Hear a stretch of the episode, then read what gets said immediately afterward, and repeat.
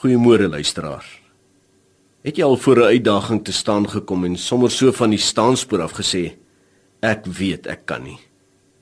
Daar's baie van ons wat 'n taak so begin, veral as jy 'n bietjie daarin geforseer word. Ek kan nie. Ek onthou wat my ma altyd gesê het as ek gesê het ek kan nie. Sy het gesê kan nie is dood van kruiwaas dood. Daar bestaan mos nie so iets soos kan nie. Kom ons praat nog dieper hierdie Saterdagoggend met mekaar. Ons lees eers uit die Bybel uit 1 Petrus 1 vers 13 tot 16.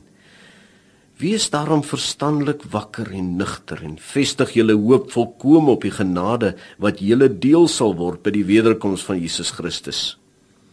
As gehoorsame kinders moet julle nie julle lewe inrig volgens die begeertes wat julle vroeër gehad het toe julle God nie geken het nie. Nee.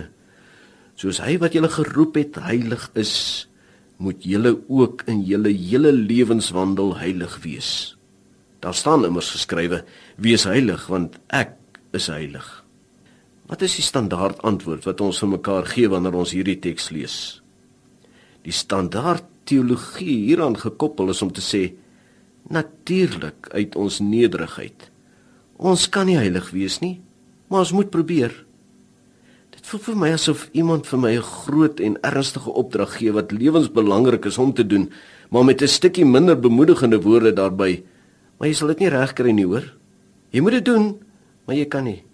Dit sou sinloos vir Petrus wees om so 'n opdrag te gee terwyl dit nie moontlik is nie. Ek is maar net 'n arme sondaar.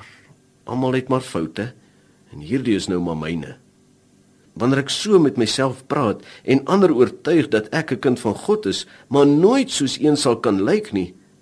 Dit klink nogal demotiverend. Terwyl die waarheid eintlik daarin sit dat ek in Christus kan.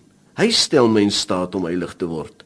Terwyl ek dit in elk geval uh, nie uit myself behaal nie, maar God deur my die krag laat werk om dit reg te kry. Die heiligheid lê daarin dat ek deur Jesus geheilig is.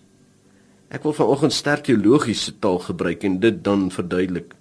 God gee eers aan die mens die indikatiewe en dan die imperatiewe. Dit beteken dat God eers die mens in staat stel, die vermoë gee, nuut maak. Dit is die indikatiewe.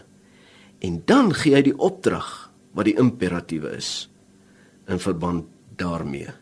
So sê hy vir die oorspelige vrou: Ek veroordeel jou nie. Gaan doen dit nie meer nie. So sê hy vir ons: Ek het jou geheilig. Gaan lewe nou heilig. Jy kan heilig wees want hy maak jou heilig. Gaan wees dit nou. Vader, ons wil meer en meer soos U word. Dankie dat U ons geheilig het.